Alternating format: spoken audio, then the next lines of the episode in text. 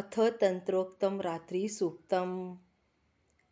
ॐ विश्वेश्वरीं जगद्धात्रीं स्थितिसंहारकारिणीं निद्रां भगवतीं विष्णोरतुलां तेजसप्रभुः ब्रह्मोवाच।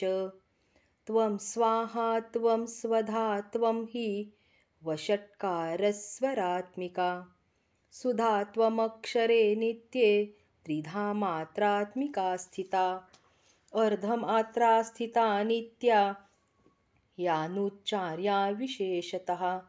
त्वमेव सन्ध्या सावित्री त्वं देवी जननी परा। त्वयैतद्धार्यते विश्वं त्वयैतत्सृज्यते जगत्। त्वयैतत्पाल्यते देवी त्वमत्स्यन्ते च सर्वदा विसृष्टौ सृष्टिरूपा त्वं स्थितिरूपा च पालने। तथा संहृतिरूपान्ते जगतोऽस्य जगन्मये। महाविद्या महामाया महामेधा महास्मृतिः महामोहा च भवति महादेवी महासुरी। प्रकृतिस्त्वञ्च सर्वस्य गुणत्रयविभाविनी कालरात्रिर्महारात्रिर्मोहरात्रिश्च दारुणा। या विश्वाची तू अधिष्ठात्री देवता आहेस. या जगाला धारण करणारी पालन पोषण करणारी आणि संहार करती आहेस. तू भगवान विष्णूची अनुपम शक्ती असल्याने भगवती निद्रा देवीची स्तुती वंदना प्रत्यक्ष ब्रह्मदेवानी केलेली आहे. ब्रह्मदेव म्हणाले हे देवी तू स्वाहा स्वधा आणि वशटकार आहेस. तू स्वरांची उद्गाती आहेस. तू जीवनदायिनी सुधा प्रणवक्षर अ उ व म या तीन अक्षरांनी संमिलित ओंकार स्वरूपात स्थिर आहेस. या तीन मात्रात बिंदूची अर्ध मात्रा आहे. त्याचा उच्चार विशेष रूपाने केला जात नाही. त्यातही तुझे अस्तित्व आहेच. हे देवी तू संध्या सावित्री तुझे मातृस्वरूप दयामय व मंगलकारक आहे. तू या विश्वाची धारण करती आहेस या जगताची सर्व सृष्टी सृजन करती तूच आहेस. या जगाचे पालन पोषण करणारी आहेस. माते कल्पांत समयी संहार शक्ती ही तूच आहेस. या सृष्टीरूप जगताचा उगम करणारी आदिशक्ती आदिमाया तू आहेस. जगाची स्थिती स्थैर्य व भरण पोषण तुझ्यामुळे होत असल्याने मध्यस्थितीही तूच आहेस. व या जगाच्या विलीन समयी हे जगज्जननी तुलाच ते संहार कार्य करण्याची योजना झाली आहे. नाना विद्यांची अधिष्ठात्री तू आहेस. तू महामाया वत्सलरूपी आहेस.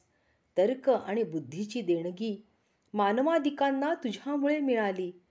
तू स्मृती प्रदान केलीस. तसेच आभास निर्माण करून मोहात पाडलेस. हे भगवती सुरांच्या काळात उत्पन्न केल्यास तू आदिम आहेस. तू निसर्गाची प्रेरणा आहेस. सत्व रज व तम या त्रिगुणांची स्वाभाविकता आहेस.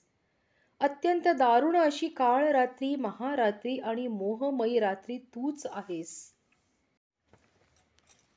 त्वं स्त्रीस्त्वं ईश्वरी त्वं ह्रीस्त्वं बुद्धिर्बोधलक्षणा. लज्जा पुष्टिस्तथा तुष्टिस्त्वं शान्तिः क्षान्तिरेव च। खड्गिनी शूलिनी घोरा गदिनी चक्रिणी तथा शङ्खिनी चापिनी बाण भुषुण्डी परिघायुधा। सौम्या सौम्यतरा शेष सौम्येभ्यस्त्वति सुन्दरी। परा पराणां परमा त्वमेव परमेश्वरी। यच्च किञ्चित् क्वचिद्वस्तु सदसद्वाखिलात्मिके। तस्य सर्वस्य या शक्ति सा त्वं किं स्तूयसे तदा? यया त्वया जगत्स्रष्टा जगत्पात्यत्ति यो जगत्। सोऽपि निद्रावशं नीत कस्त्वां स्तोतुमिहेश्वरः विष्णुः शरीरग्रहणम् अहमीशान एव च कारितास्ते यतोऽतस्त्वां कस्तोतुं शक्तिमान् भवेत्।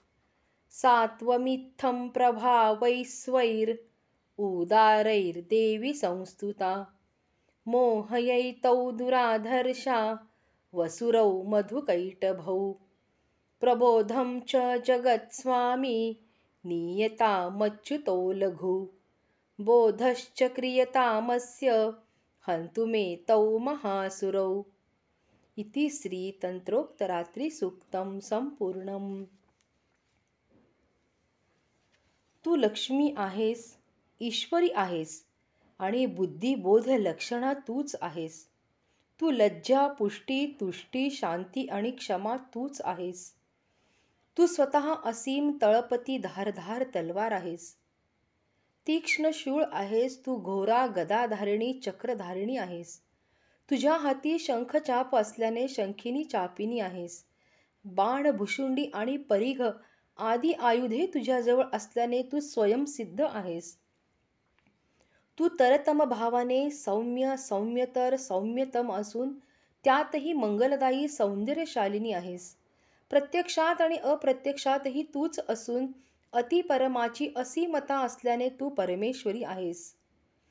हे अखिलात्मके देवी सूक्ष्माती सूक्ष्म वस्तूमधील ऊर्जा तूच आहेस. त्या शक्तीने या जगावर उपकार केलेत त्या तुझी स्तुती किती करू? ज्या ब्रह्मदेवाने हे जग निर्माण केले भगवान विष्णूंनी त्याचे पालन केले त्या महाभागांनी तुझ्या सामर्थ्याची शौर्यधैर्याची इतकी स्तुती केली की अखेरीस थकून जाऊन त्यांनी निद्रेचा आश्रय घेतला. व तुझे स्तवन अपूर्ण राहिले. निराकार ब्रह्मा विष्णू आदी देवांना तुझी स्तुती करण्यासाठी देह धारण करण्यास भाग पाडलेस. यातच तुझ्या सामर्थ्याची थोरवी आहे. तुझ्याच अद्वितीय प्रभावाने तुष्ट होऊन भगवान विष्णूंना निद्रेतून उठून दुराचारी मधू आणि कैठप या दोन राक्षसांचा वध करण्यासाठी मोहिनी रूप घेऊनच मारावे लागले. निद्रेतून उठल्यानंतर जगतचालक प्रभूंनी त्या दोन्ही राक्षसांचा पाडाव केला हे खरे असले तरी या कृत्याला प्रभूला तूच उद्युक्त करून असुर हनन करण्याची प्रेरणा दिलीस. असे हे तंत्रोक्त रात्री सुक्त.